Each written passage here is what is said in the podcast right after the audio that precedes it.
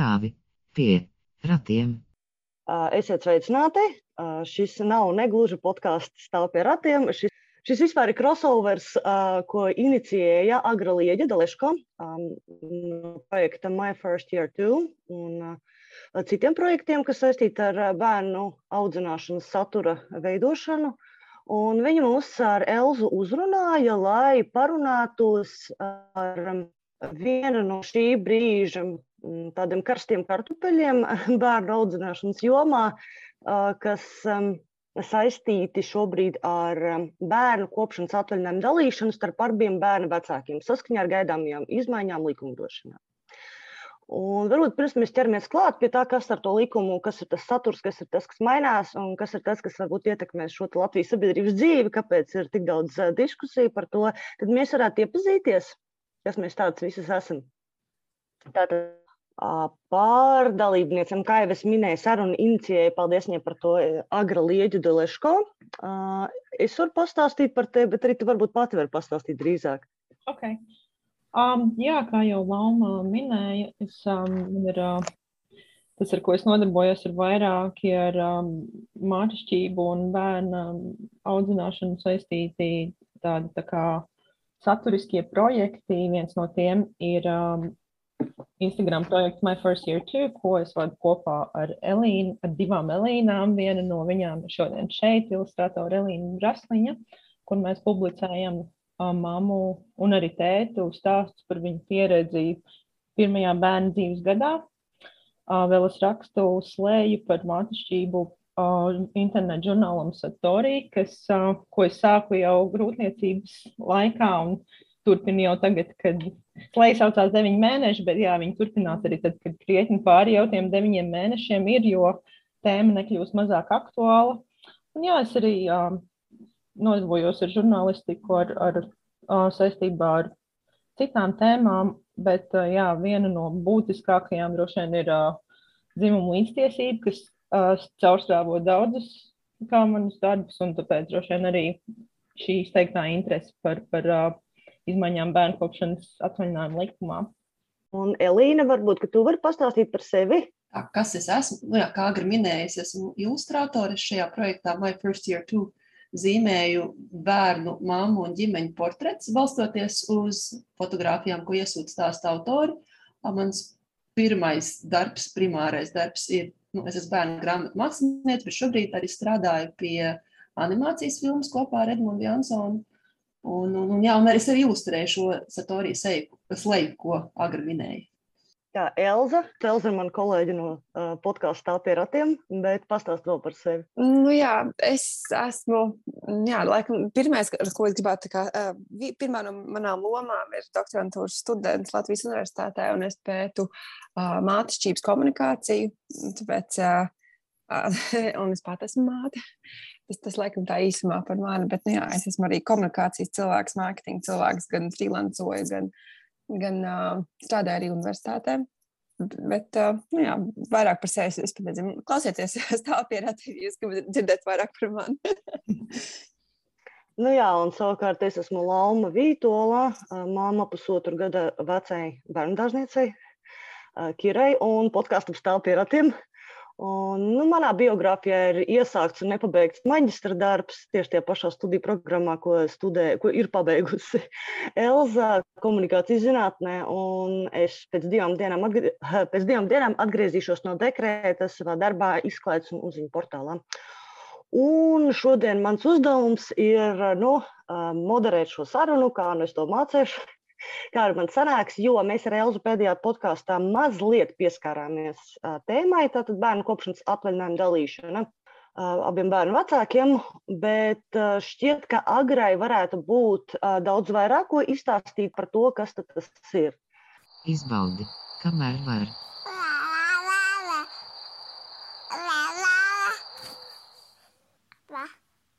Tā saprotu, ka tas ir likums par maternitātes un slimības apdrošināšanu, kurā tiek plānotas izmaiņas vecāku pabalstu un paternitātes pabalsta izmantošanas regulējumā, kas ir no Eiropas direktīvas nāk. šis pamatojums, ja es pareizi saprotu, un lai izpildītu satversmes tiesas spriedumu. Un tas jaunais regulējums paredz to, ka otram vecākam nenododamā daļa ir vismaz divi mēneši. Mhm. Respektīvi, ja iepriekš bija tā, ka lielāko, joprojām, protams, darba mhm. likumā, un šajā likumā ir tas, ka var dalīt bērnu kopšanas atvaļinājumu, bet Latvijā to īpaši daudz nedara. Nu, tad varbūt kā agri to var izstāstīt, kā tā situācija ir Latvijā un kas ir tas, kas mainīsies uh, līdz ar šo te regulējumu. Jā, respektīvi, tā um, izmaiņas likumā ir balstītas uz direktīvu, kas uh, tika publicēta 2019. gadā. Tā ir Eiropas parlamenta un padomas direktīva par darba un privātās dzīves līdzsvaru vecākiem un aprūpētājiem, kur uh, patiesībā bija vairākas uh, pārmaiņas paredzētas, bet viena no tām, kas droši vien uh, daudziem šķiet visbūtiskākā un tāda varbūt pat vissatricinošākā, ir tā, ko, ko minēja Lauma, kas ir uh, bērnu kopšanas atvaļinājumi divi otram vecākam nenododamie mēneši, kurus uh, katram vecākam, respektīvi, ir jāizmanto vismaz divi šie mēneši, kuri, ja tie netiek izmantoti, uh, pazūd.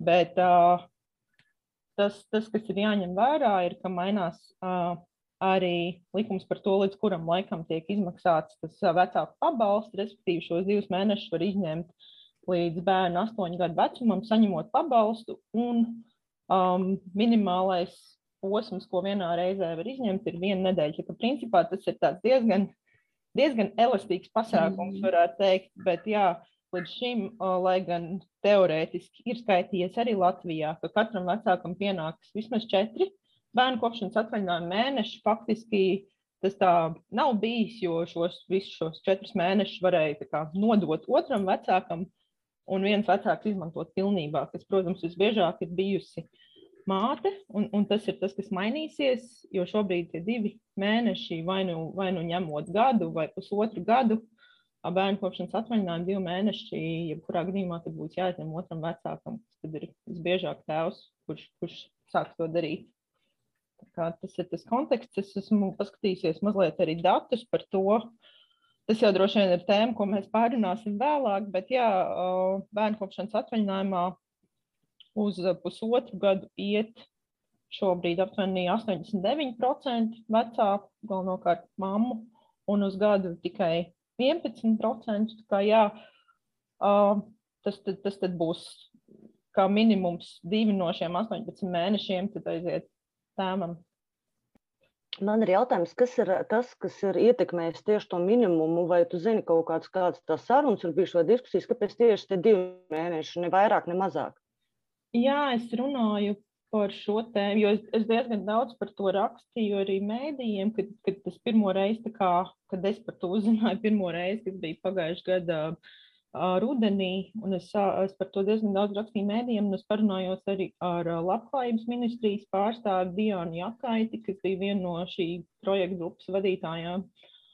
Vadītāja šai projekta grupai. Un, jā, es jautāju par to, kā, kā tika identificēts tas optimālais ilgums. Un problēma ir tā, ka, nu, problēma ir tā, ka ir diezgan uh, atšķirīgi šie bērnu kopšanas atvaļinājumu likumi un ilgumi dažādajās Eiropas Savienības valstīs. Un patiesībā tā, tā direktīvas tā ieviesēji bija cerējuši, ka izdosies uh, to patiesībā, ka tie būs četri mēneši, nevis divi.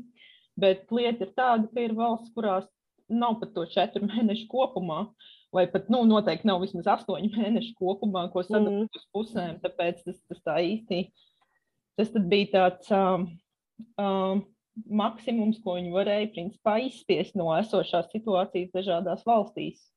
Um, un, un, protams, bija arī daudz iebildumu no, no valstīm, kurās bija vai nu īsāki tie atvaļinājumi, vai nu konservatīvāki vēl uzskati nekā Latvijā, lai gan tas izklausās maz ticams, bet, bet tā arī var būt. Un, um, jā, tas bija tāds kompromiss, kas uh, noteikti nebija lielākais, ko, ko kāds bija vēlējies, bet, bet tā šķita reāli fiziski izdarāms.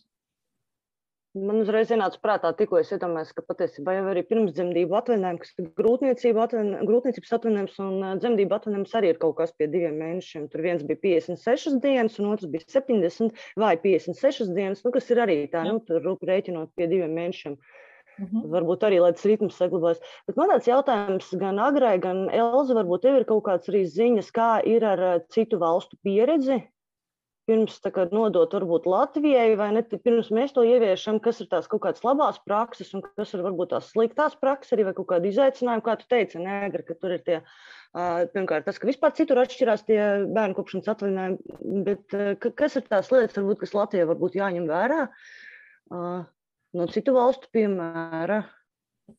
Nu, man ir mazliet vairāk zināms, es nezinu, no LV droši vien ir vēl vairāk informācijas par citām valstīm, bet es, es esmu pētījusi Zviedrijas piemērus, par to var īsi sākumā izstāstīt. Um, jo nu, tas man, tā man šķiet tāda, tāds case study, tāda labā praksē, uz ko var paskatīties, kā tas izskatās daudzu gadu griezumā, jo, jo tur kopumā bērnu kopšanas atvaļinājums tika ieviests uh, 74. gadā bet uh, 1995. tika pirmoreiz ieviesta šī otram vecākam nenododamā daļa. Tas bija viens mēnesis, kuru 2002. gadā pagarināja uz diviem mēnešiem, bet 2016. jau uz trīs mēnešiem. Tad, tad tur jau ir šobrīd vairāk tas obligātais minimums nekā tagad būs citās Eiropas Savienības valstīs. Uh, Un, uh, tas, tas, kas liek domāt, manuprāt, ir ļoti labs iemesls domāt, ka tas ir ilgtermiņa pasākums, kuram galu galā ir pozitīvs rezultāts, ir tas, ka tur uh, Zviedrijā šobrīd uh, bērnu kopšanas atvaļinājumā iet vairāk kā 90% tēvu, un jau kopš 2002. gada statistika ir diezgan stabila, ka viņi ņem uh, aptuveni 43% no kopējā tāda tādu dienu skaita, kas iztulkojās vidēji 4,5 līdz 5 mēnešos. Tas, ko tas nozīmē, ka gan tad, kad bija divi obligātie minimālie, gan tagad, kad ir trīs obligātie minimālie, viņi ņem vairāk, krietni vairāk. Tā vidēji, vidēji tie ir gandrīz 5 mēneši, ko viņi ņem. Tas nozīmē, ka tas vairs nav tāds obligātais ķeksis, ko mēs darām tikai tāpēc, lai tas nepazustu. Tas tiešām ir mainījis to, to vidi, kurā, kurā šis, šīs prakses kā, realizējās. Tāpēc jā, tas ir tas viens piemērs, ko es zinu, kurš ir labs un kuru šobrīd gribās aicināt par to cilvēkiem padomāt, ka tas tiešām ir ilgtermiņa tādas pārmaiņas, kuram īs, īslaicīgi droši vien varētu būt kaut kāds, rasties kaut kādi sarežģījumi, bet mums vajadzētu uz to skatīties tādā vairāk gadu griezumā. Es tieši gribēju piebilst, ka Zviedrijas sakarā jau, jau sākumā viņam tā statistika nebija tik augsta. Es atceros, vēl, ka es lasīju kaut kādu rakstu, un tur bija mazliet tiem tēviem, kas sākumā ņēma to atvaļinājumu, bija tāda pama, paloma. Viņi sauc par samta tētukiem, apmēram. Otru vēl, bet dadīja paņēma atvaļinājumu. Bet izstāst, ka, nu jā, man ar, teiksim, par tiem diviem mēnešiem domājot, ka tāda baigā, nu, tāda baigā skepsis, ko tas vispār dos.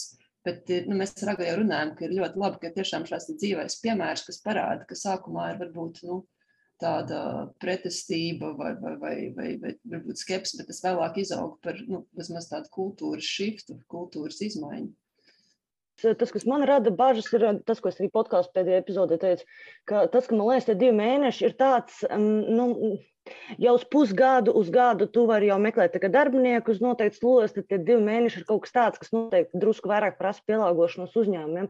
Bet nu, par to es domāju, ka mēs pēc tam varbūt vēl izrunāsim. Elza, varbūt tev ir kaut kāds vēl piemērs par citām valstīm. Tā nav mana specialitāte, bet es, protams, paskatījos citu rakstu sakarā, ko es veidoju par dažādiem, dažādām jā, šīm, šīm praksēm.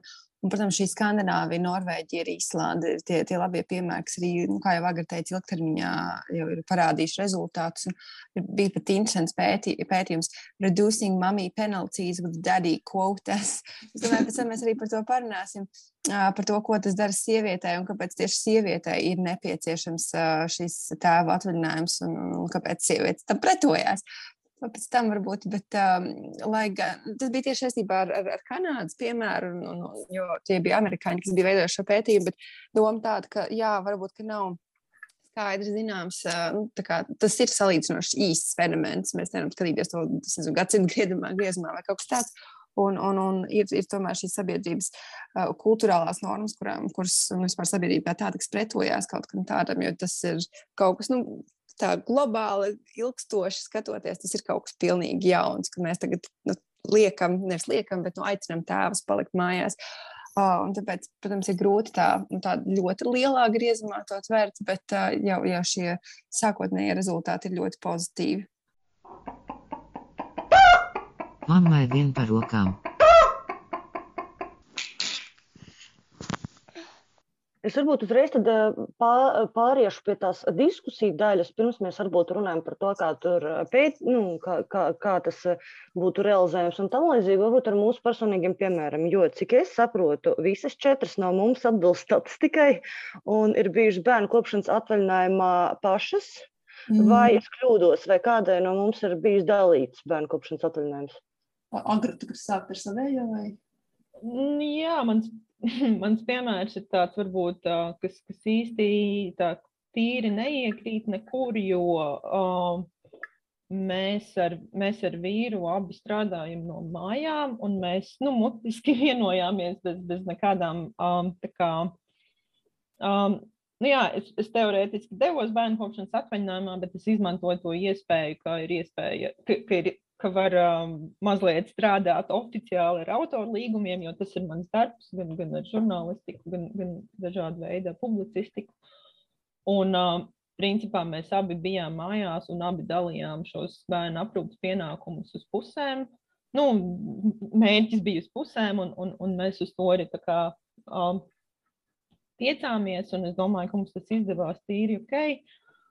Un, uh, un jā, tad, tad varbūt tas nav tāds īsti, īsti piemērs par dalīšanu, bet es domāju, ka tā realizācija atbilst tam, kā izskatītos dalīšana. Lai gan es gribētu piebilst, ka es, es, es, es sākotnēji biju domājusi, ka jā, varbūt tie divi mēneši, kurus ir obligāti jāizņem tēvam, varbūt tie būtu, tas būtu kaut kas tāds, ko izmantot um, laikā, kad māte arī ir bērnu kopšanas atvaļinājumā, lai vienkārši, jo, jo manā prātā visbriesmīgākais mātišķības sākumā bija tā absolūtā izolācija, kurā tu esi viens pats ar bērnu, un man likās, lai nu, lai nu ko, bet tas ir, tas ir kaut kas, kas ir jānovērš. Tāpēc man likās ļoti automātiski šķiet ļoti pieņemami, ka varētu vienkārši tas laiks pārklāties, un, protams, tam ir kaut kādas finansiālas sankcijas, jo pēc tam ir jādomā, nu, cilvēki, kuri vienkārši plāno atgriezties darbā un, un, un bērnu sūtīt dārziņā, tad tur ir kaut kāds tukšais laiks, kurš jānoklāj, jo, nu, ja to laiku, to laiku var sasummēt, nu, šādā veidā tas būs atļauts.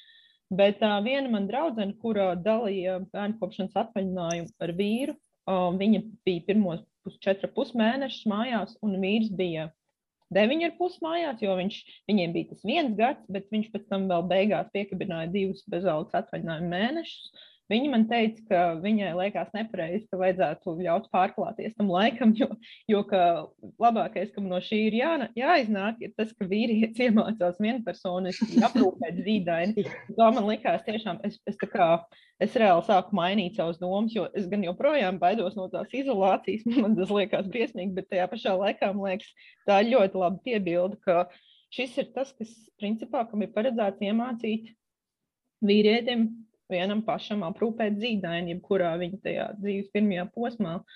Un, nu, protams, tur saskaņā ar pārliecībām, ka tur vajag vai nu barot ar krūti vai tam līdzīgi, to var dalīt dažādi, bet jā, es, es, es to pat nepiedzīvoju, mēs abi visu laiku bijām uz vietas, bet, nu, es domāju, ka tas, protams, tas, protams, ir atkarīgs no tās cilvēku vēlēšanās iesaistīties, un, un protams, ka vīrietis var to visu iemācīties un izdarīt, bet jā, Ne, bet tad es pareizi saprotu, ka vispār tas uh, tur ļoti elastīgi tie nosacījumi. Tieši tas, kādos laikos, uh, nu, pieņemsim, uh, bērnu tēvs nu, vai vecā, otrs vecāks, uh, tā tad var izņemt šo atvaļinājumu, ka tas var gan pārklāties ar mātes bērnu kopšanas atvaļinājumu, Uh, bet, attiecīgi, tad summāri vai ne, tad saīsinās tas Jā.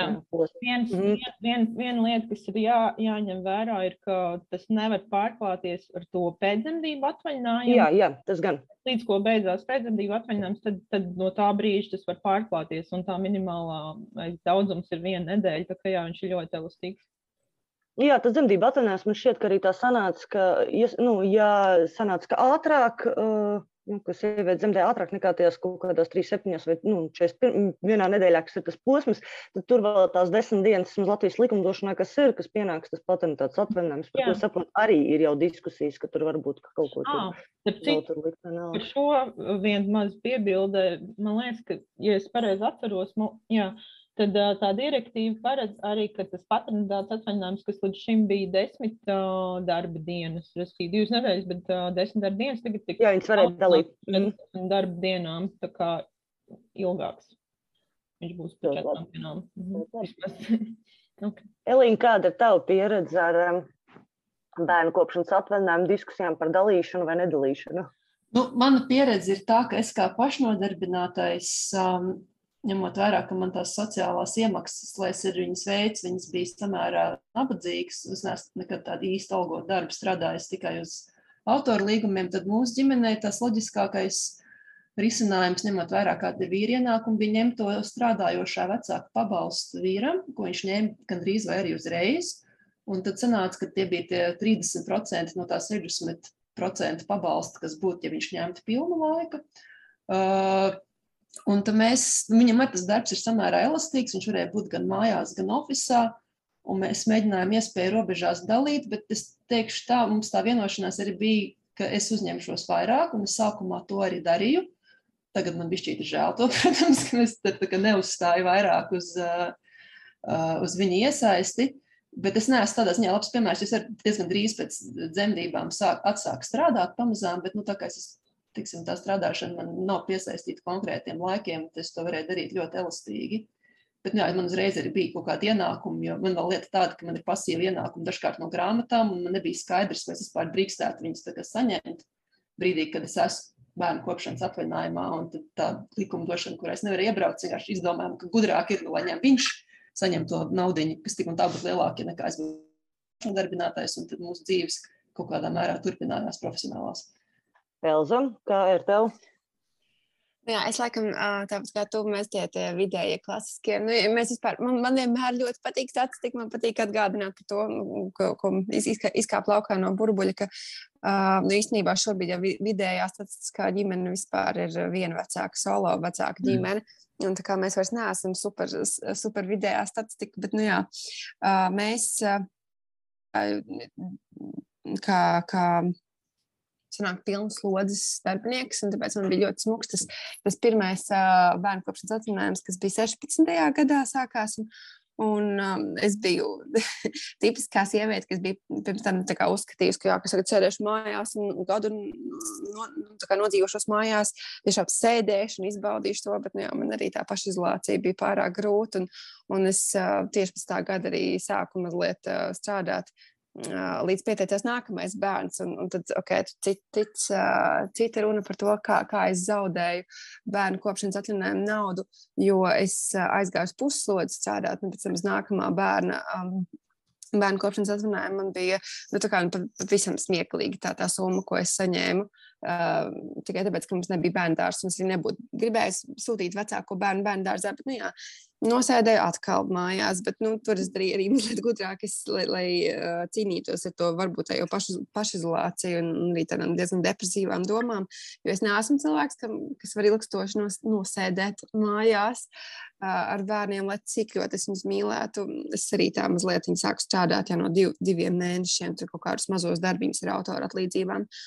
Nu, jā, un tad, tad atgriezties pēc tam darba, darba dzīvē ar, ar visu to pandēmiju un, un neskaidrību, tas bija diezgan grūti. Tad um, bija ļoti daudz arī pārunas pēc tam ar vīru, kā dalīt tos, tos pienākumus, jo nu, viņš visu laiku bija bijis darbā. Arī pandēmijas laikā viņš sēdēja darbā, un es biju viena sākotnēji pat uh, strādāju uz puslodzi, un pēc tam pilnu slodzi ar bērniem mājās. Mm -hmm. Un tagad, atskatoties, nu, tas likās daudz par daudz. Un, un tā statistika īstenībā, nu jā, kāpēc arī nepieciešams kaut kas tāds, ir tas, ka, ka sievietes Latvijā nu, un visur Eiropā ir um, es interesēju pēc tieši šorīt paskatījos. Sievietes nedēļas laikā vidēji par 12 līdz 19 stundām vairāk nekā vīrieši strādā mājas darbus. Mm. Šis ir tas neatalgotais, tas tā otrā slodze, mm -hmm. un, un tas ir vidējais. Bieži vien tas pat ir vairāk, un, un ar, ar visu vis tā menedžēšanu, mentāla, mentālais darbs, mental work, emotional work, viss šis ir uz sievietes pleciem. Tāpēc, ak, Dievs, cik mums ļoti vajag šo,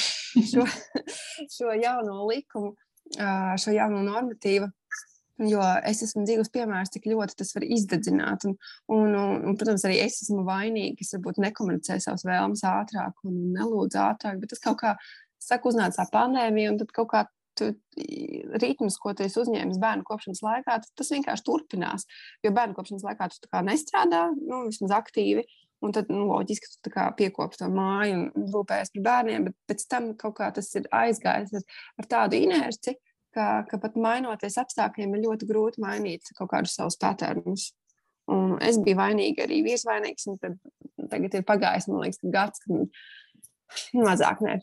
Daži mēneši tas nav gads, liekas, kā gads. Bet, jā, ja tā paskatās, ka daži mēneši, kad nu, mēs tiešām līdzīgi sākam dalīt tos darbus, un es jūtos daudz labāk un drošāk. Nu, jā, jau tā komunicēšana jau arī ir, jā, tā komunicēšana jau arī ir darbs. Tās vajadzības un vēlmes kādam tur. Mm visas aprakstīt, nodot, un viss tas darbs, kaut tāda sīkuma, kā kura mums komodē atrodas bodiju un ar ko viņa atšķiras no pidžamas, un it kā teorētiski tas vīrietis to pašu arī zina, viņš ir bijis klāt, manā gadījumā, piemēram, arī dzemdību namā un tā, bet tāpat tas visu laiku iet par inķi, par inķi, par inķi, bet ka man ir tieši tas pats, es esmu bijis mājās visu pusotru gadu, Mans vīrs arī pandēmijas laikā strādāja oficiālā, un tā kā bija šī pandēmijas izolētība un viss, tad īsti nevarēja arī uh, Es neizmantoju uh, abu vecmāmiņu pakalpojumus, sauksim tā, jo viņas abas divas ir arī jaunas un strādājošas, un, un, un nu, salīdzinoši jaunas. Un tā, un tad, nu jā, tad es arī uz pilnu klāpi esmu izbaudījis, ko nozīmē pusotrs gads ar bērnu kopā, un šobrīd es uz pilnu klāpi izbaudu, ko nozīmē vesela nedēļa, kad bērns iet bērnu dārzā. nu, lūk, un par to dalīšanu ar to dalīšanu Tad, protams, mums ar vīru par šo ir bijušas sarunas. Šobrīd bija tā, ka, jā, ka dažādu apsvērumu dēļ mēs arī vienojamies, ka es ņemu to atvaļinājumu. Uh, savukārt, ka nākamo varētu ņemt viņš, bet tā kā es izdzirdēju nenormāls tāds ilgas viņa balsī, kā apmēram viņš gribētu pasēdēt mājās ar bērnu, tā vienošanās ir tāda, ka tas ir tikai tādā, ka strādāšu ārpus mājas. Jā. es pirmkārt nevaru pastrādāt mājās ar bērnu vispār. To es esmu sapratusi. To es šo pusotru gadu esmu ar sevi vienojusies. Es arī gribēju būt mamma, kas spēja kaut ko darīt un tā, bet nu, nevaru. Nu, vienkārši nevar no tā ciest. Mana veselība, bērni, bērni vispār tā, tā audzināšana un nu, visa ģimenes dzīve. Nu, jā, tā mēs esam arī vienojušies, ka nu, iespējams, ka nāk, nākamā mēs vienkārši domāsim, bet uh, tieši tas pats, kas Elzai, lai, ja, nu, ja būs nākamais. Mm, tas, lai neatkārtotos tā pati situācija kā Elzē, ka tu ielic no viena bērna kopšanas atvaļinājumā un nākamā sociāli tāds nu, tā mazāk aizsargāts, nodrošināts, tad uh, man ir nepieciešams drusku atkal šobrīd pievērsties kaut kādai karjeras būvēšanai, drusku atgriezties atpakaļ, lai, lai tad mēs tiešām runātu nu, kā divi finansiāli neatkarīgi cilvēki par to, ko mēs tad tālāk darām vai nedaram. Un kad būs otrais?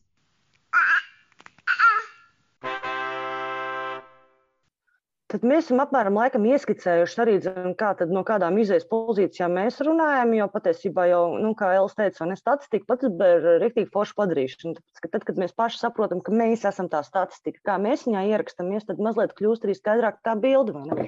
Bet um, tas, kas ir visinteresantākais man šķiet visā šajā diskusijā, ir tas, cik ļoti dažādi ir pretargumenti. Vai Agra, tu varētu iezīmēt tos pretargumentus, ko tu esi e, jau iepazinusies, jo tu esi daudz rakstījis un pētījis par šo jautājumu, un tad mēs varbūt varam arī paskatīties, kādas varbūt viņi ir, ir radušies vai ir dzirdēti ārpus tā, kas ir, mhm. kas ir Agrai arsenālā. Nu jā, es uh, gan, protams, rakstot un daloties ar šiem rakstiem, jo es viņus konsekventi mēģināju arī padalīties ar, ar tiem dažādās platformās, kas ir vecākiem paredzētas, gan arī um, es piedalījos vienā sarunā Instagram, kas ir uh, kontā mm, Māma grib saprast, kas, kas tā kā tiešām tieši piesaistīs uh, sekotājs, kas interesējās par dažādām tām pabalstu tēmām un tam līdzīgi. Un jā, viena no tādām lielākajām, lielākā vilšanās droši vien bija tā, ka nē, mēs kopā visas nepriecāsimies tagad, jo liela daļa sieviešu mamma par to nav tādā sajūsmā kaut kādiem iemeslu dēļ, kā man bija šķitis un tie argumenti. Nu, uh, godīgi sakot, uh, man viņi tā, tādā, tādā kopēji skatoties, man viņi nešķiet racionāli, bet tas, protams, neko nenozīmē, jo nu, viņi ir. Un, un uh, viens no tiem, kas man liekas, ir tāds ļoti viegli atspēkojams, un tādējādi nu, tā balstīts uz, uz nepatiesu premisu, ir arguments par zīdīšanu. Jo, nu, man liekas, pie katra ieraksta, pie jebkuras kaut vai, es nezinu, jebkur, kur par to kāds kaut ko ieminās, vienmēr kāds vienkārši uzreiz iemin. Vai tad tagad tēvi baros ar krūti un kā ar krūts barošanu, krūts barošanu, to un šito. Uh, es uh, pirms tā kā atbildēt, es izvēlējos apskatīties zīdīšanas datus Latvijā un mazliet, jā, statistika ir brīnišķīga lieta, tiešām sevišķi šī gadījumā es to saskāros. Uh, un tajā kontekstā, ka bērnu kopšanas atvaļinājumā de, ap 90% dodas uz vienu ar pus gadu, tas arguments par to, ka šie divi, min, divi otram vecākam nenododamie mēneši kaut kādā veidā ietekmēs krūtsbarošanu, nu, principā neiztur kritiku, jo uh, man ir zīdīšanas dati par 2020. gadu, kur uh, ekskluzīvi zīdīti sešus mēnešus ir uh, 19,2% zīdaiņu. Savukārt uh, līdz, uh, līdz, līdz viena gada vecumam, kas iekļauj arī uh, gan tos, kas ir zīdīti ekskluzīvi, gan tos, kas ir zīdīti gan ar formulu, uh, gan, gan zīdīti, gan barot ar formulu. Kopā tie ir 26,9%, respektīvi līdz gadam kaut kādu zīdīšanu ir saņēmuši 26,9% zīdaiņu. Savukārt lielākā daļa sieviešu atvaļinājumā iet uz pusotru gadu, kas nozīmē, ka to zīdīšanu nav ietekmējis īsti tas, cik ilgā atvaļinājumā kāds iet. Un, ja mēs redzam, ka lielākā daļa iet pusotru gadu ilgā bērnu kopšanas atvaļinājumā, tad 16 mēneši, kas būtu mīnus 2. Uh, nu, tur var ļoti daudz zīdīt, un, un to nedara. Tas nav saistīts ar šo, un arī nebūtu saistīts ar šo. Tas vienkārši ir kaut kas, ko tu gribi iemest diskusijā, kas tev nepatīk, vai kuram, kurai tu nepiekrīti. Kā, jā, un, um, un patiesībā jā, arī par to, vai, vai tas kaut kādā veidā ir pretarguments. Arī tad, ja nu, tiešām būtu tā, ka ir jāsāk zīdīt mazāk, es, es personīgi teiktu, ka nu, kādā tādā kopainā, vai mēs gribam, nu, nu, kas ir mūsu vērtības, ja mūsu vērtība ir, ir um, vienlīdzība, dzimuma līdztiesība, un ja mēs uzskatām, kā vecāki ir vienlīdz svarīgi bērnam, manuprāt, nu, krūtsbarošanu es neizdalītu kā tādu vienu atsevišķo um, vienību, kas tā kā uzvar visas citas svarīguma ziņā, bet, protams, tas, tas ir cits, tas ir vienkārši viedoklis. Bet nu, tie dati pierāda, ka tie, kas kā, iebilst ar šo, viņiem vienkārši nav statistiski taisnība. Vēl, protams, ir bijuši.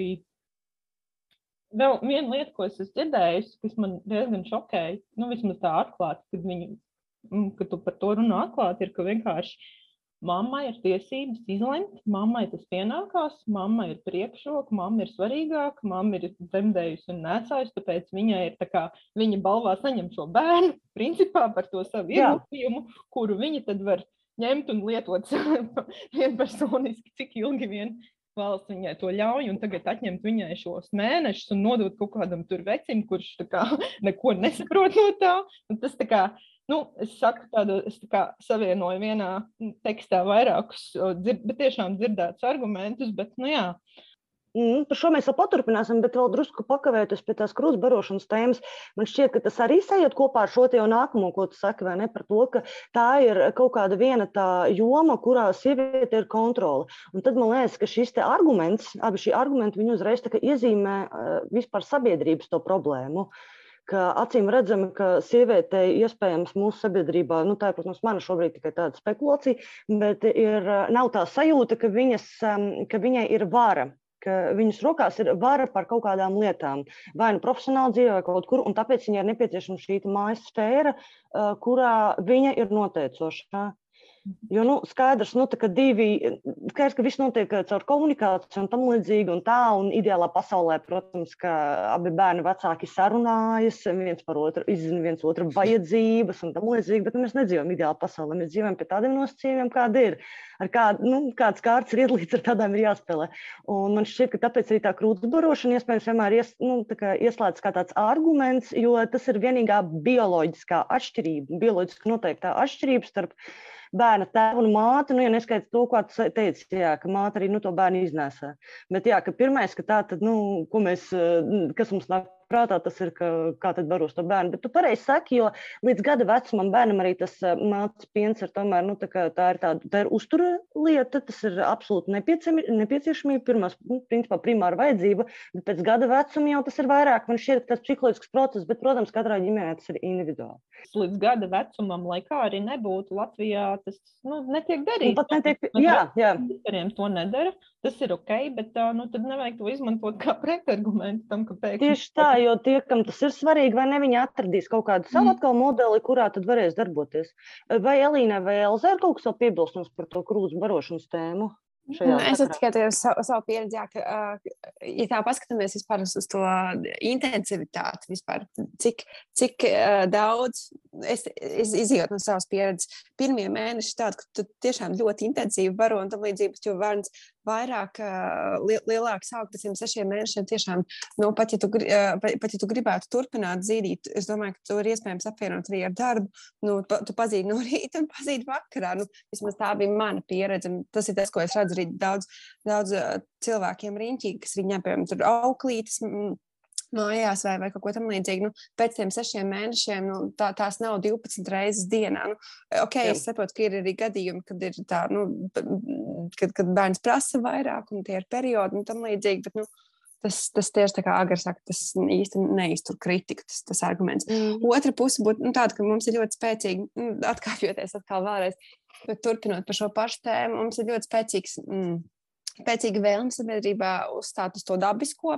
Tas mm. krūts barošana kā tāda, tas, tā zīdīšana ir tas dabiskais. Un, un par spīti tam, ka, ka, ka, ka tik ļoti maz sievietes vispār visās attīstītajās valstīs ļoti maz zīd, jo tas ir nērts, tas ir grūti, tas nesanāk. Un, protams, mums būtu jādomā par bērnu un tam līdzīgi, bet uh, uh, ir ļoti, ļoti spē liels, spēcīgs lobbyis tai krūts barošanai, zīdīšanai. Un es arī es, es to atbalstu, es gribu, lai zīda, bet tajā pašā laikā nu, ar, ar, tieši tā kā tu saki, tas nav arguments, lai, lai atņemtu tēviem iespēju pabūt mājās ar bērnu. Ja mēs gribam um, lobēt zīdīšanu, tas jādara pilnīgi citādāk. Nevis ar kaut kādu šādu argumentāciju. Jā. Nu jā, jo tās jau sniedz to psiholoģisko atbalstu arī bērnam pilnīgi citādāk. Nav jau tā, ka līdz gada vecumam tikai māte to bērnu var nolikt gulēt, vai tikai māte var viņu nu, nu, nomierināt. Nu, protams, arī ģimenes ir dažādas, tēvi iesaists ir dažāds, un tas ir tas, ko visa šī te, uh, iniciatīva un viss šis te vai ne tā kā virza, lai tā vairāk iesaistās. Bet vismaz tādos skaistos piemēros, kā manā ģimenes dzīvē, nu, bērna tā, tētim ir tieši tās pašas uh, spējas un iespējas ar bērnu komunicēt bez krūtu barošanas. Zini, nu, tā, tā. Tu minēji tā, nu, par, par to dabiskumu. Uh, man liekas, tas jau, arī, jā, tas jau arī tiek lobēts tajā pašā sākumā ļoti spēcīgi par mātes instinktiem, par to, ka viņi zinās, kā ko darīt. Pie mammas ir labāk, mamma mācēs, mamma jau tur sakonektējās. Nu, man liekas, jā, tā ir tā intensīvā mācība. Mm. Es tiešām es uzskatu, ka tās ir pilnīgas muļķības. Tas ir vienkārši darbs, ko tu apgūsti, tāds prasmes. Tas ir kaut kas, ko tu iemācies vai neiemācies. Kurš tajā brīdī ir klāts, tas viņas apgūst. To var apgūt abi cilvēki. Es to esmu pieredzējusi praksē. Manam vīram jau, nu, patiesībā viņš to uzreiz jau mācīja labāk, jo viņam jau ir viens bērns. Man tas ir pirmais bērns, tā kā automātiski viņš, protams, daudz ko mācīja labāk, bet es arī apgūstu. Tagad es domāju, ka mēs to, to spējam vienlīdz labi. Tā, ka, nu, daļa no tā dabiskuma lobēšanas, protams, iekrīt arī tajā, ka sākumā to mammu vajag vairāk, jo viņa labāk māca. Bet nu, tas, man liekas, ir tieši tas pats, kas attiecās uz jebkuru citu prasmi, ko mēs apgūstam dzīvē, vienkārši ar darīšanu. Ne, nu, ja tu neesi klāts, tad tu to, ja tu to neesi darījis, protams, ka tu to nemācēsi. Papildinot, tā, es teiktu, jā, tā ir tā intensīvā mācība. Tas ir tas, kas dzīvo visās riet Eiropas rietumu civilizācijas valstīs, ka, ka sieviete tā, kas vislabāk spēj parūpēties par bērnu. Sieviete tā, kurai jāvēlta 100% savas uzmanības, savu resursu, savu laiku, savu finansiālo iespēju bērna la, labbūtības, labsajūtas uzlabošanai. Un, Un, un tas ir kapitāls, kurā ir jāiegūda, lai, lai tas nebūtu maksimāli labākais profits no tā, un, un tu varētu lielīties. Nu, es tā ļoti cīniski to saku, bet, bet tādā sabiedrībā mēs dzīvojam, un tā agrāk mēs neesam dzīvojuši, tāpēc ka agrāk citās kultūrās mēs redzam, ka ir, ka ir saime, kas rūpējās par, par bērnu. Un, un, un šis, šis urbānais piemērs, kur mēs dzīvojam atšķirti no, no vecākiem, mums īstenībā statistikā ir ļoti bēdīgi, ka, ka, ka tikai 11%, laikam 13% jauno ģimeņu saņem regulāru atbalstu no ģimenes vai draugiem mm. bērnu, pie, bērnu aprūpē. Tas ir vienkārši katastrofāli, manuprāt. Uh, tur neied, neiedzināsim šajos argumentos. Vienkārši tas, ka ja tā sieviete ar, ar to milzīgo spiedienu uz viņas pleciem parūpēties par to bērnu vienai pašai. Un, un tad, ja, piemēram, Mēs redzam, uh, uz ielas aiziet tētis ar bērnu. Visi mēs esam laimīgi par to, ka kāds tur foršs tētis pastaigājas ar bērnu, tur rūpējās par bērnu. Bet tā ir sieviete, tā ir tā kā norma. Tas ir jālauž. Nu, tas, tas dabiski sieviete ar bērnu kopā. Nu, tas ir no vienas puses dabiski, bet kāpēc mēs liedzam tēvam izrādīt viņu mīlestību? Tēvs, tēvam nav beznosacījuma mīlestības pret savu bērnu. Pasmaidi, mamīt! Varbūt, ka jā, Elīna var papildināt kaut ko vēl. Nē, nē, es tā arī klausoties to visu, es diezgan varu arī, tā kā es personīgi izjūtu to, ko man liekas angliski sauc par to gatekeeping, to vārdu sargāšanu, ir kaut kas viens tas brīdis, kad tu esi tik ļoti iekšā tajā bērna apkopšanā, man vismaz tā bija, ka man, uh, nu, man, man bez mazvai dusmas bija, ka kāds cits kaut ko mēģinās regulēt, no tā ir jāizkāpj kaut kā ārā, un tā ir, tā ir arī saruna ar sevi ļoti intensīvi, un ar par to krūts barošanu es esmu no tiem laikam ļoti maziem procentiem, kas joprojām baro. Man ir divi puses, ne jau divi un septiņi mēneši vecs bērns, un tas, ko Elza teica, tas vienā brīdī tiešām vairāk ir komfortam, un bez mazliet tas jau ir attiecības. Tas nav tā, ka tur, man viņš ir jāuztur pie dzīvības. Tas ir kaut kas, ko mēs abi labprātīgi turpinām, bet es varu teikt, ka man sākumā tā krūts barošana nebija tā, ka tas bija beigais prieks. Un, nu, es kaut kā varbūt citādāk tam būtu piegājis. Teiksim, tas nebūtu tas, kādēļ es tagad no visas atteiktos. Ja man būtu, nu, teiksim, būtu, būtu, tas nebija man jāizdara izvēle, teiksim, darbs vai rūpēšanās par bērnu, bet es nezinu, vai tas būtu bijis tas, kas man būtu apturējis. Tu vienā brīdī minēji arī par to, ka tas savā ziņā nu, norāda uz tādu varas pozīcijas uzturēšanu no sieviešu puses. Tas man atsauc atmiņā toreiz, kad es sāku nu, veidot tos materiālus par šo tēmu. Es parunāju arī ar biedrības tēvi pārstāvjiem, kas, kas Latvijā darbojās, tāda ļoti forša biedrība, un viņi bija inicijējuši 2016. gadā izveidot socioloģisko pētījumu, kas saucās palīdzēt un atbalstīt Latvijas tēvi ģimenes dzīvi. Kā tas tika pierādīts arī statistiski, ka māte un bērns tiek lielākajā daļā gadījumu uzskatīti par ģimenes kodolu, un tēvs vienkārši ir tāds uh, apgādātājs, kas kā no ārpuses nāk un atnes. Nu, tas, ko mēs visi, kā, protams, jau zinām, ka tāds uzskats pastāv, bet nu, to ļoti tieši arī apliecina kvalitatīvie. Kvalitatīvās intervijas, kur, kuras cilvēki to tiešām apstiprina, ka absolūti norma māte un bērns ir kodols. Tēvs ir nice to have, but not must. Un uh, galvenais, ka viņš nodrošina finansiāli. Un, un uh, tas, tas uh, kā, padomājot uz priekšu par to, ko tas reāli nozīmē, to, ka viņš kā, tiek mazliet izstumts ārā un viņam netiek dot tā iespēja no sākuma gala būt uh, pietiekami iekļautam un svarīgam.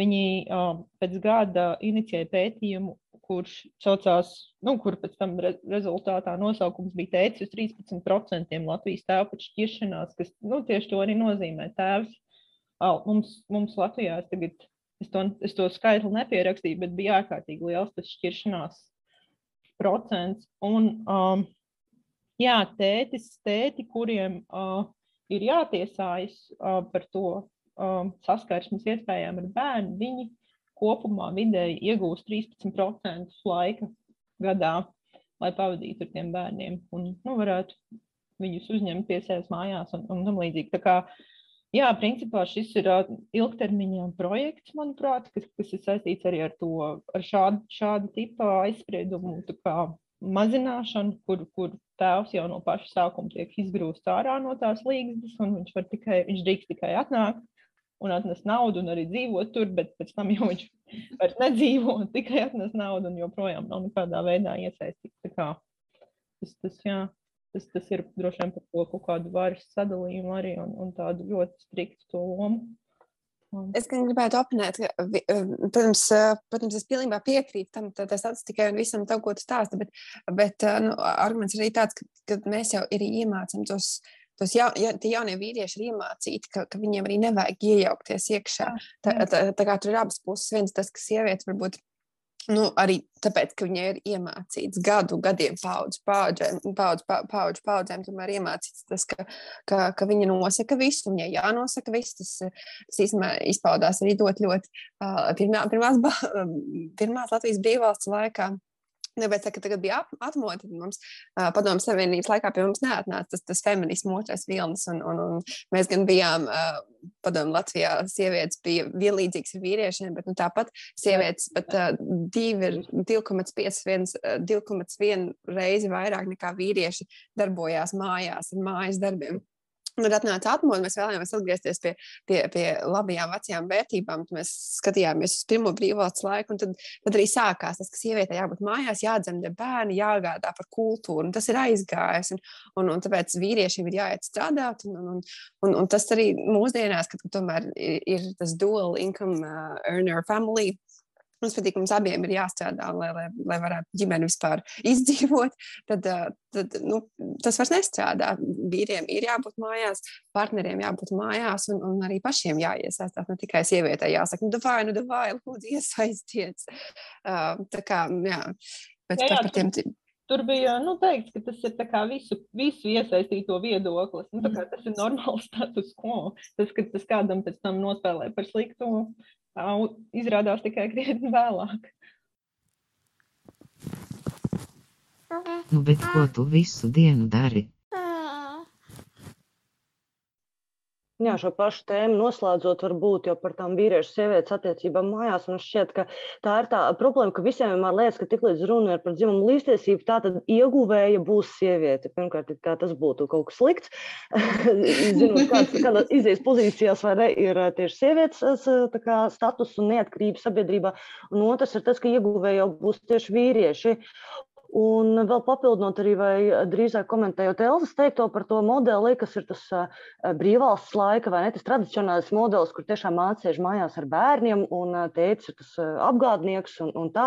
Tas viss ir ok, individuālā līmenī. Protams, ja kādam ir šāds ģimenes modelis, un tas tā strādā attiecībā ar viņu vērtībām, tas ir tikai brīnišķīgi. Bet mēs dzīvojam kapitālismā, un tad mēs nākam pie tā argumenta, kas ir finanses.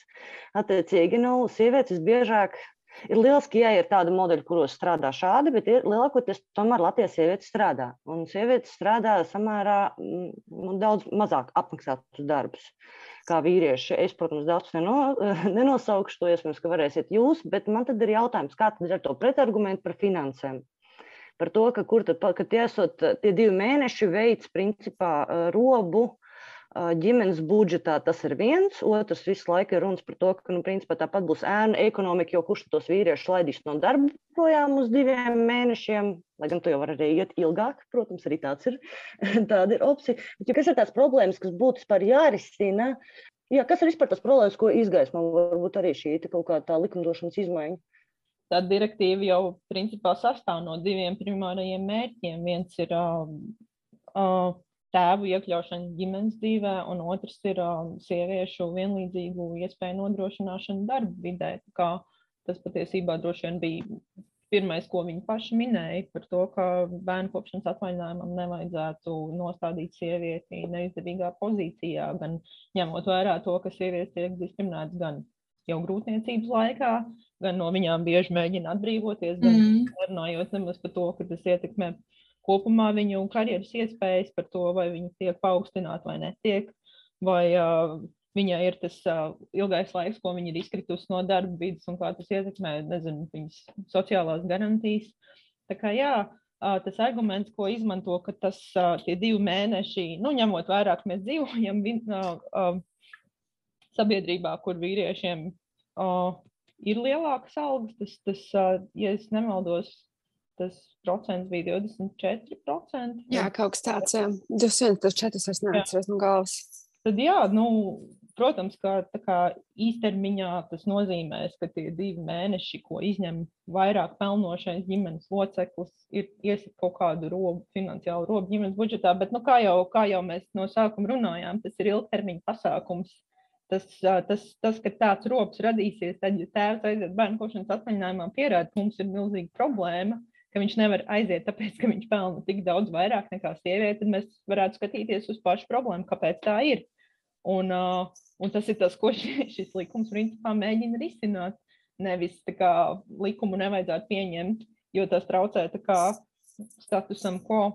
Tā kā es teiktu, ka jā, tās, tās, tās problēmas, ko, ko min saistībā ar atalgojumu, kā arī ar to, nu, reizē var minēt varbūt arī ar tiem ar darba devējiem, kuriem varbūt o, tas rada kaut kādas problēmas, ka iet, iet cilvēki tajos īsajos atvaļinājumos. Es varu uh, padalīties. Es uh, nu, tieši tagad gatavoju materiālu par šo tēmu. Arī žurnālam ir nauda, kuri gribēja, lai uz to paskatās vairāk tieši no tā, darba devēju, darba ņēmēju skatu punkta. Un parunājot ar darba devējiem, izrādās, ka viņi tur diži lielu problēmu nesaskata. Viņi uzskata, ka tādas problēmas varētu rasties varbūt maziem uzņēmumiem, kuriem, nu, es nezinu, varbūt līdz galam tā rentabilitāte nav atstrādāta, kas, nu, principā, ja mēs nevaram kā, strādāt taisnīgos apstākļos, kur cilvēks tiek uzskatīts par cilvēku, kuram ir ģimene un kaut kādas vajadzības ārpus tā, ka viņš ir skrūvīte tajā visā mehānismā, tad varbūt ir jāpadomā par savu biznesa modeli, bet kopumā tie, ar ko es runāju, viņi tur problēmu nesaskata.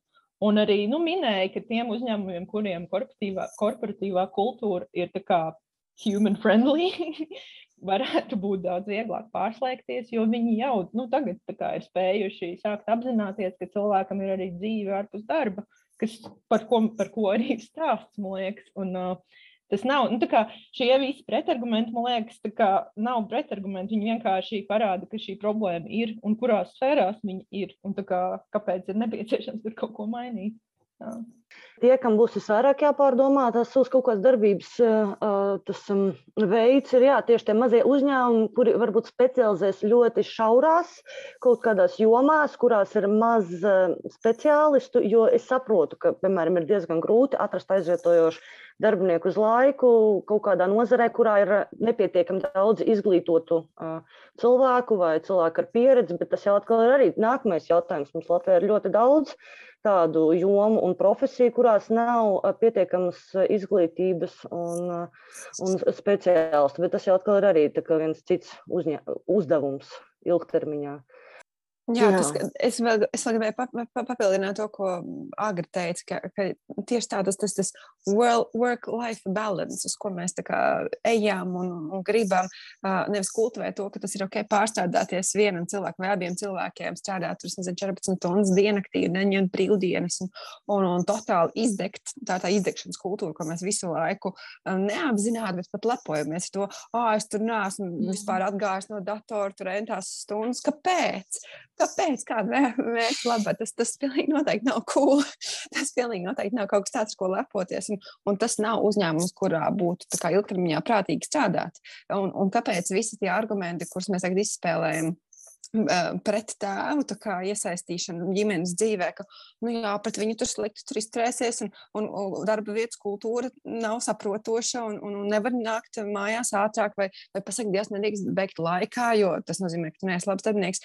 Tās ir tās visas lietas, ar kurām saskatās sievietes ikdienā. Yep. Sievietes tiek atlaistas, tāpēc, ka viņas ir reproduktīvajā vecumā. Sievietes tiek atlaistas uzreiz, ko līdz, par, ko līdz viņas pasaka ir stāvoklī. Un tas ir klājas darba likuma pārkāpums, bet tas notiek ikdienā. Katru reizi, kad mēs Twitterī par to runājam, ir, ir, ir saraksts ar sievietēm, kas pasaka, jā, man bija šī tā, man bija tā.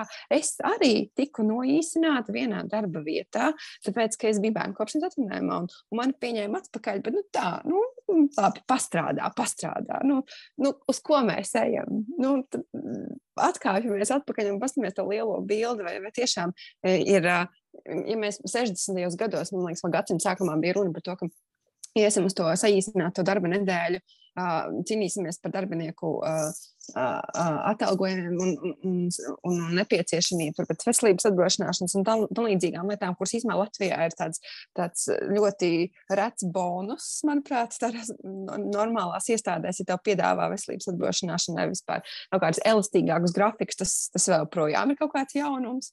Uz, uz ko tad mēs ejam? Kādu to dzīvi mēs gribam, un vai mēs kaut ko tādu novēlam arī saviem bērniem? Strādāt 12 stundas dienā, neatejot no kases. Te, te mēs arī varam runāt par darbinieku efektivitāti, kas, kas arī Latvijā salīdzinājumā ar Eiropas, citām Eiropas valstīm ir zemāka. Mēs nemaz tik labi nestrādājam. Mēs strādājam daudz no gurstam un tad ejam citur strādāt. Nu, bet saņēmies. Es vēl paturpināšu to, ko Elsa teica par tām diskusijām, kurā izrādās, ka pat ļoti tādas manās acīs veiksmīgas profesionālas sievietes, kur, par kurām tu pat brīnies, ka kā kāds varēja vispār uzdrošināties atbrīvoties no šāda speciālista, bet viņas arī jāsaka, kā Elsa saka, mani arī saīsināja vai palūdza vai, nu, Tā atlaišana notiek ļoti daudzos un dažādos veidos. Uh, un parasti tas uzreiz tāds uh, arguments tās no malas, nu, bet nav ko strādāt tādās vietās, kas tev nenovērtē. Bet uh, atkal, viss nevar būt tikai vienīgi uz pilsoņu un individu pleciem. Ir kaut kādā veidā arī jāiesaistās uzņēmumiem, un tas, man liekas, ka tad arī tiešām, kā Agra teica, varētu arī dzen, nu, izgaismot, kas ir tās problēmas darba vidē un, un kā viņas novērst. Attiecīgi tas likums strādāt divos virzienos, gan uz individu un mazo šūniņu ģimeni, gan jau uz kaut kādu vidējo tādu līmeni, kas ir uzņēmumi, darba vidē, institūcijas, korporācijas. Par to, šīs... uh, nevar būt uz individu pleciem. Es, es gribēju piebilst, ka viens no tiem mazliet saistīts ar to ir tas, ka viens no tiem argumentiem, ko brīžiem nākas dzirdēt, ka, nu, ka tiek iedarbināts tas nanīs teikt, kas tavā vietā izlemj to, ko līdz šim tu esi varējis izlemt pats. Es līdz galam arī neticu pie šim argumentam, jo bieži vien tas tā kā, nu, to saka tā, kāpēc mēs paši nevaram izlemt, kā mēs dalīsim, bet rezultātā, kāpēc mēs nevaram turpināt tā, kā ir bijis vienmēr, kad ir tikai sieviete un ko jūs tam mums bāžaties virsū ar kaut ko jaunu. Bet, ok, paturpinot to nenīsteitu argumentu, tas ir, tā, tā, tas ir interesants uh, filozofisks, filozofisks jautājums par to, kādos gadījumos to ir vērts iedarbināt un ko tas nozīmē individu brīvībai. Bet um, no otras puses, uh, tam ir kaut kāds iespējas uz, uz, uz šo uh, atbildības noņemšanu no individu pleciem, ja mēs runājam par to, ka es, piemēram, intervēju tos vairākos tēvus, kuri jau līdz šim ir ņēmuši bērnu kopšanas atvaļinājumu, kur arī rakstīja savu stāstu mūsu projektam My First Year Two. Un um, vairāk teica, ka jā, par viņiem principā ņirgājās atklāti darba vietā, nu tā kā apcēla viņus, kas tu esi bāba, nu tam līdzīgi tiešām tādos vārdos. Un ņemot, nu, pieņemot, ka ir tēvi, kuri labprāt to darītu, bet negrib saskaties ar šādu attieksmi, tas nenīstei principā padod palīdzīgu roku, pasakot, ka sorry, it wasn't me, it was the state. Ja? Tā kā, Man liekas, ka tas ir labs sākums situācijā, kur ir tik milzīgs mobbings, tik atklāts, tik nekautrīgs no darba devēja puses bieži vien, ka tas, tas nav normāli, ka tēvi dodas un dara to. Tāpēc pateikt, ka mūsu ģimenē vienkārši mēs nevaram atļauties zaudēt šos divus mēnešus, tāpēc es iešu vai nu, kaut kā tā, tas, tas, to, tas man liekas arī sākuma posmā, pārējais posmā, kopš, kad mēs attīstāmies par normālāku sabiedrību, tas varētu būt. Uh, manuprāt, tāds labs atbalsta punkts.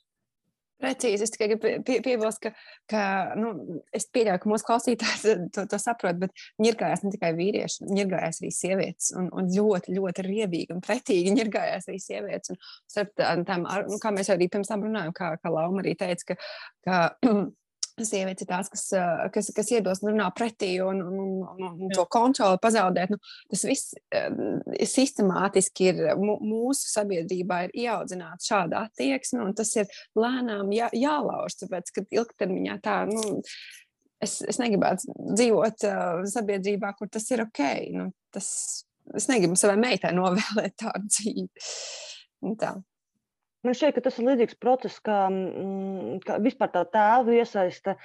Jau šobrīd mēs redzam, ka viņa ir lielāka kaut kā pēc tā, ka ģimenes dzemdības ir jau daudz populārāks eh, pasākums nekā tas bija pirms gadiem 20. Un šobrīd, ja es redzu ties par šādu tītu, labi, skaisti tas ir Twitter burbulis un tam līdzīgi, bet jau labi, ka vai ne, ka kaut kāda burbuļa ietvaros, tas ir jau tāds pašsaprotams pasākums, ka tās ir klāts savam bērnam no uh, pirmajām dienām. Un man šķiet, ka tiem tēviem, kuri ir bijuši klāti, pirmajās aprūpes dienās nevis sagaidījuši ar baloniem rotātu mašīnu pie dzemdību nama laimīgo māti ar bērnu, tad viņš ir redzējis, ka tas aprūpes darbs ir jau no sākta gala. Tas nav kaut kas, ko sieviete dara vienkārši nu, tas ir kaut kā ielikts. Nē, mans vīrs redzēja, ka es esmu vēl izlākām rokām un vispār ar visu savus kursikus saklausīsies. Es esmu kā, daudz uh, draņķīgāks vecāks nekā viņš bija tās pirmās trīs dienas dzemdību. Mans darbs bija piedzemdēt, un pēc tam vienkārši trīs dienas raudāt. Savukārt, nu, un dzīvīt, protams. Nu, bet tas man liekas, arī uzreiz pamaina kaut kā to perspektīvu, ir liela cerība, vismaz man ir liela cerība, ka jā, šis sākumā arī saskarsies ar dažādu veidu pretestību, jo man liekas, ka par tādām ģimenes dzemdībām arī īpaši visi sākumā varbūt nestāstīja gluži, ka vīrs ir piedalījies, jo tad tur arī apcēla un tam līdzīgi. Es īstenībā Tad man šķiet, ka tas varētu pārējošas nērtības pārciešot ilgtermiņā, tad tiešām kaut ko labu darīt. Bet nu, es esmu optimists. Lieliskā atkāpe vienkārši. Mana mamma, es pirmkārt, es, es laukos atradu 90. gadu mans mazais žurnāls, kurā bija par ģimenes dzemdībām, jo man liekas, ka kaut kādā, kaut kādā 90. gadu vēlā otrā pusē arī sākās tā ģim, tās ģimenes dzemdības. Uh, bija, bija pieejamas dzemdību namā, un mans brālis, kas ir 98. gads, viņš ir dzīves manam tēvam esot klāt ķēsgrieziena operācijā, ja mamma bija anesteziologs, viņa viņš pieprasīja. Un, un pēc tam dzēra šāpiņu, vienmēr man stāsta par to, kā viņa kopā ar tēvu saskandinājusi glāzes, pēc tam, kad brālis piedzims uh, un, un šāpi dzērus. Es nezinu, vai tas ir reāli iespējams, bet nu, ok. Un, uh, un tagad tā ir norma, jo es cendīju namā un strādāju sen. Uh, tas bija, kad es aizgāju 14. Ah, nē, 16 gads. Un tad bija, mm, tur bija mazliet sarežģīta to ģimenes zemdību statistikas noteikti. Nu, būtībā katru reizi, kā, nu, ļoti reti, kad bija mm, viena mamma, mm, pilnīgi bez nekāda atbalsta, vienmēr bija kāds līdzi. Un, un man liekas, ka bija kaut kādi 70%, kad nu, ir kā tiešām dzīves biedrs blakām vai, vai, vai atbalsta persona. Un tas jau ir ļoti smuki. Un paskatās, cik, cik ātrā laikā tā ir kļuvusi par savā ziņā normu. Tā kā arī šis iesies, vienkārši padusmosimies un iesies. Ko tu izdarīji? Kāpēc jūs kaujaties? Jā, runājot par to būšanu klāt no sākuma, nu, tas, protams, tā nav, tā nav šoreiz statistika, bet tā ir arī tāda liriskā atkāpe, varbūt runājot ar tiem visiem cētiem. Uh, nu, cik es ar viņiem esmu runājis, kuri gāja tajā bērnkošanas atvaļinājumā dažādos posmos, tas ir tik forši klausīties ar kādu pašpārliecību un lepnumu. Viņi runā par to, ko viņi ir pieredzējuši, ko viņi ir apguvuši, cik viņi jūtās stabili tajā savā vecāku pozīcijā. Tas ir nu, nenormāli patīkami to, to dzirdēt, ka tas nav tā kā, nu jā, es to izdarīju, bet nu, tas ir tā kā. Man reāli ir, nu, kā, tas, tas ir tad, kad tu, nezini, tad, kad tu pirmo reizi dabūji darbu vasarā saldējumu pārdot, tad tev reāli parādās kaut kāda tāda Jā, un, un, un nu, tas, tas, tas man liekas, un tas ir katru reizi, tas ir lepnums, tā ir pašpārliecība, tas par to saikni, ko tu veido. To, tur visi kā viens runā par to emocionālo saikni ar bērnu, kas ir nu, brīnišķīga pieredze un, un nu, kā, ko viņi nemainīt. Ne, pret ko es domāju, nu, tam ir jādod iespēja. Un vēl viens papildus arguments, uh, arī liriskais arguments. Um, es saprotu, ka ir, ir satraukums par to, ka tur, ai, tur tēvs aizstāv māti vai māte šobrīd aizstāv tēvu vai tam līdzīgi, bet katram ģimenes loceklim ir sava loma un ar, ar katru ģimenes locekli bērns vienmēr citādāk uzvedās un arī veidot citādākas attiecības. Un tāpēc nebūtu mātēm jāuztraucās par to, ka kaut kas viņām tiks atņemts. Nē, viņas, viņas gūs kaut ko vēl vairāk, iepazīs sevi vēl vairāk tādā šķautnē, ko viņas pat nav vēl iedomājušās redzam. Un, Un es, es arī īstenībā tikko atcerējos, kad es aizgāju ar pirmo bērnu, bērnu kopšanas atpakaļ no, uz darbu no bērnu kopšanas atvaļinājuma. Mans vīrs vienu dienu nedēļā pavadīja ar, ar viengadnieku, tikai viens pats. Un, un tas bija, tā bija pilnā darba diena, jo man bija vēl lekcijas vakarā, un es biju prom no mājām 13 stundas. Un tā, tajā laikā man personīgi bija daudz vieglāk, jo viņš Tieši tā viņš ikdienā zināja, tā, tā bija viena diena, bet viņš zināja to ritmu, un viņam nebija nekādu jautājumu par to, kā ko organizēt, viņš uzņēmās iniciatīvu. Un tad, jā, uz pandēmiju viss sagrauj, bet nu, tagad mēs atkal esam tajā ritmā, kas ir forši. Un kur nu vēl tas, ko tas dod arī savstarpējām attiecībām vecāku, jo, nu, es domāju, tā tas pat nav tas, tas nav tikai novērojams tiem dažiem, kas par to ir stāstījuši. Tas, tas tiešām, man liekas, tā, tā jau ir statistika, kā uzlabojās uh, komunikācija un kā neizveidojās tā, tā aizes starp vecākiem, kur viens nesaprot, ko, ar ko otrs visu dienu nodarbojās un kāpēc viņš tik nenormāli izbēsījies. Un, un aizkaitināts par, par kaut ko. Un, kad, nu, kad pēkšņi sāk dzīvot divas pilnīgi dažādas dzīves, kā, uz kā ir balstīts šīs attiecības. Man, man bija intervija ar vienu uh, zviedru tēvu, kurš bija patiesībā, viņš strādāja Latvijā, Zviedrijas vēstniecībā, un viņš aizgāja sešu mēnešu bērnu kopšanas atvaļinājumā laikā, kurā viņš bija diplomātiskajā misijā tieši šeit Latvijā. Viņš teica, viņš minēja diezgan daudz to, cik, cik ļoti viņš novērtēja to, ka viņi, viņi varēja iet šai pieredzē cauri kopā, un attiecībās neveidojās tā plaisa. Un es domāju, ka nu, tas arī ir kaut kas, ko nevar novērtēt par zemu, jo nu, tā šķiršanās statistika, man liekas, arī runā savu, kas, kas ir īsti pēc bērnu piedzimšanas ļoti bieži. Un, un kopumā mums ir īstenībā viens no augstākajiem šķiršanās līmeņiem Eiropas Savienībā. Un, un, kad es skatījos, tas bija gan kvalitatīvs pētījums, es vairs neatceros, uh, profesoru, asētā profesoru Pūtniņu un, un visi antropologi, viņiem bija laikam 17, 16 gads, nu, par to, ka viens no biežākajiem iemesliem arī ir šķiršanās laikā ir šī darba sadala. Nu, tāpēc, ka tu nesaproti to, to otru. Viņš tikai sēž mājās, tur jau, nu, ko tu šodien te darīji? Jā, bet tikai esot iekšā, iekāpjot tā otra cilvēka kurpēs, tu reāli saproti, par ko ir runa. Kurš biežāk iniciētā šķiršanās Latvijā? tas bija atkal tajos konkrētajos gadījumos. Es vairs neatceros, vai tā bija statistika, bet tur bija teikts, jā, ka ar, ar bērnu varbūt tas bija Latvijas ģimenes paudzēs pētījums, tas bija lielāks. Bet ar, ar bērnu pārsvarā inicē sieviete. Jā. Tur nebija drausmīgi liela tā atšķirība, vai nu divi, vai, vai, bet nu, pārsvarā sieviete. Jā. Nu jā, jo lielākoties man šķiet, ka nu, sieviete saprot, ka es šo visu varu arī padarīt bez mazliet vienu pat ar bērnu. Jo parasti jau bērni arī paliek pie mātes. Elīna, varbūt tev ir vēl arī kāds vai liriskais vai cits arguments šajā sarunā klāt. Man, ne, man klausoties tas, kas man ienāca prātā, arī ko tu minēji par tām, tas jau atkāpjoties krietni atpakaļ par visām tām ēnu ekonomikas bažām un tā, bet tas, man liekas, ierakstā, ierakstās te kopējā, man liekas, vadmotīvā, kas mums jau iet cauri išais vai sarunai, ka, nu, vajag, acīm redzot, tiešām vajag kaut kādas kultūrāls pārmaiņas, jo šie paši argumenti jau tika piespēlēti. Nu, man personīgi sāpīgā tēma ir šī pašnodarbināto, teiksim, nu, viņu sociālā nodrošināšana, nodokļi un kas tur ka nu, ar, nu, teiksim, viss tā sistēma tiek pielāgota bez mazliet tam, lai kāds viņu neapčakarētu. Tas man liekas tā kā pilnīgi atšķirīgi.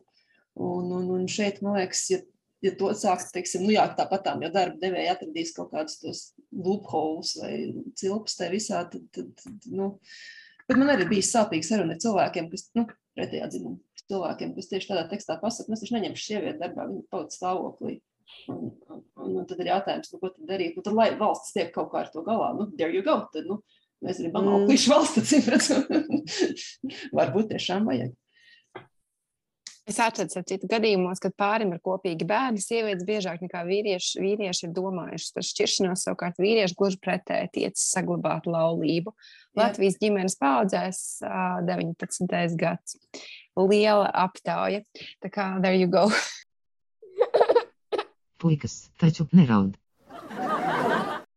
Telīnas teiktais jā, par to pašnodarbināto, tas, tas arī iezīmē vēlreiz visu šo argumentu. Sievietes ir tās, kas vairāk uh, rūpējas par bērniem, sievietes ir tās, kas rūpējas arī par, par slimiem uh, senioriem vai, vai vienalga. Arī sievietes, tajā, šajā pašā pētījumā arī bija teikts, ka sievietes ir tās, kas vairāk arī paliek ar, ar bērnu mājās, ja viņš ir slims. Tur bija uh, nomācošs vairākums, ap 80% mm. vai pat vairāk. Un, un kāpēc tā tam nav jābūt? Un, un šis paš, pašnodarbinātais vispār tas tā, tā sistēma, tā, tā atsevišķa saruna, bet autora mhm. atlīdzības pašnodarbinātās vispār visi šie ne 9 to 5, 7 dienas, 5 dienas nedēļā režīmi, uz ko mēs ar vien biežāk ejam. Nu, tas nu, pasauli mainās, mēs kļūstam elastīgāki. Tas viss uh, ir palīdzētu arī sievietei, bet viņš šobrīd mums, diemžēl, es teikšu, ļoti, ļoti skarbi.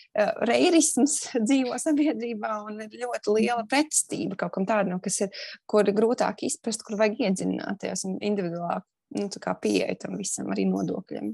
Nu jā, un atkal tā individuāla atbildība, ne, ka tev vajag būt sociāli korģējumam, ja tu nespēji nopelnīt kaut kādā ļoti vienkāršā veidā savu lielus iztiks līdzekļus, būdam arī sieviete, māte un vispārējais pat vainīga. Es gribēju piebilst, jā, man liekas, ka tas Zviedrijas piemērs arī šajā ziņā kaut ko māca, jo tas pats, um, tas pats vēstniecības pārstāvs, viņš bija pagatavojis arī statistiku man priekš, priekš materiālu par to, kā tas izskatās Zviedrijā, kur tiešām cilvēki, kas ir nu, ļoti nopietnās pozīcijās, gan, gan vēstniecībā, gan valdībā, viņi var iet gan viens, gan otrs dzimums. Viņi var aiziet bērnu kopšanas atvaļinājumā. Viņam pašam bija vienīgais ierobežojums tas, ka esot diplomātiskajā divu gadu misijā ārvalstīs, viņš var paņemt tikai sešus mēnešus.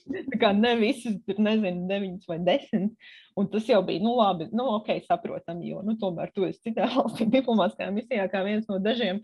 Bet tā, tā pretīm nākšana, tas tik ļoti, man liekas, tas atspoguļo to sabiedrības sapratni par to, ka mēs neesam tikai kaut kādas tās skrūvītes tajā mašinērijā, kur, kuri, nezinu, tu kā vispārējais izslēdzās līdz ko tu ienāc, un tu nevari aiziet tur normālā laikā mājās, un ja tu ej pēc bērna uz bērnu dārzu vai paliec ar, māju, ar bērnu kopās, kad viņš ir slims, kad tas vispār nav iedomājams. Arī, to, arī, arī tur Zviedrijas statistika bija ļoti um, pozitīva par to, cik lielā mērā arī pēc tā bērnu kopšanas atvaļinājuma beigām, kad tas ir veicinājis to, ka tēvi paliek mājās, tad, kad bērni slimo un tam līdzīgi. Un tas, tas, tas jau sasaucās ar to, ka pastāv, pastāv uzskats, ka sieviete ir tāda dabiskā care work darītāja, protams, kurš, kurš gan cits, ja ne māte, un tas, tas tā kā pašos pamatos grauj šo aizspriedumu, šo absolūti sievietei neizdevīgo mītu, kas, ka, ka tas ir viņas dabiskais pienākums kaut kādā veidā. Tā kā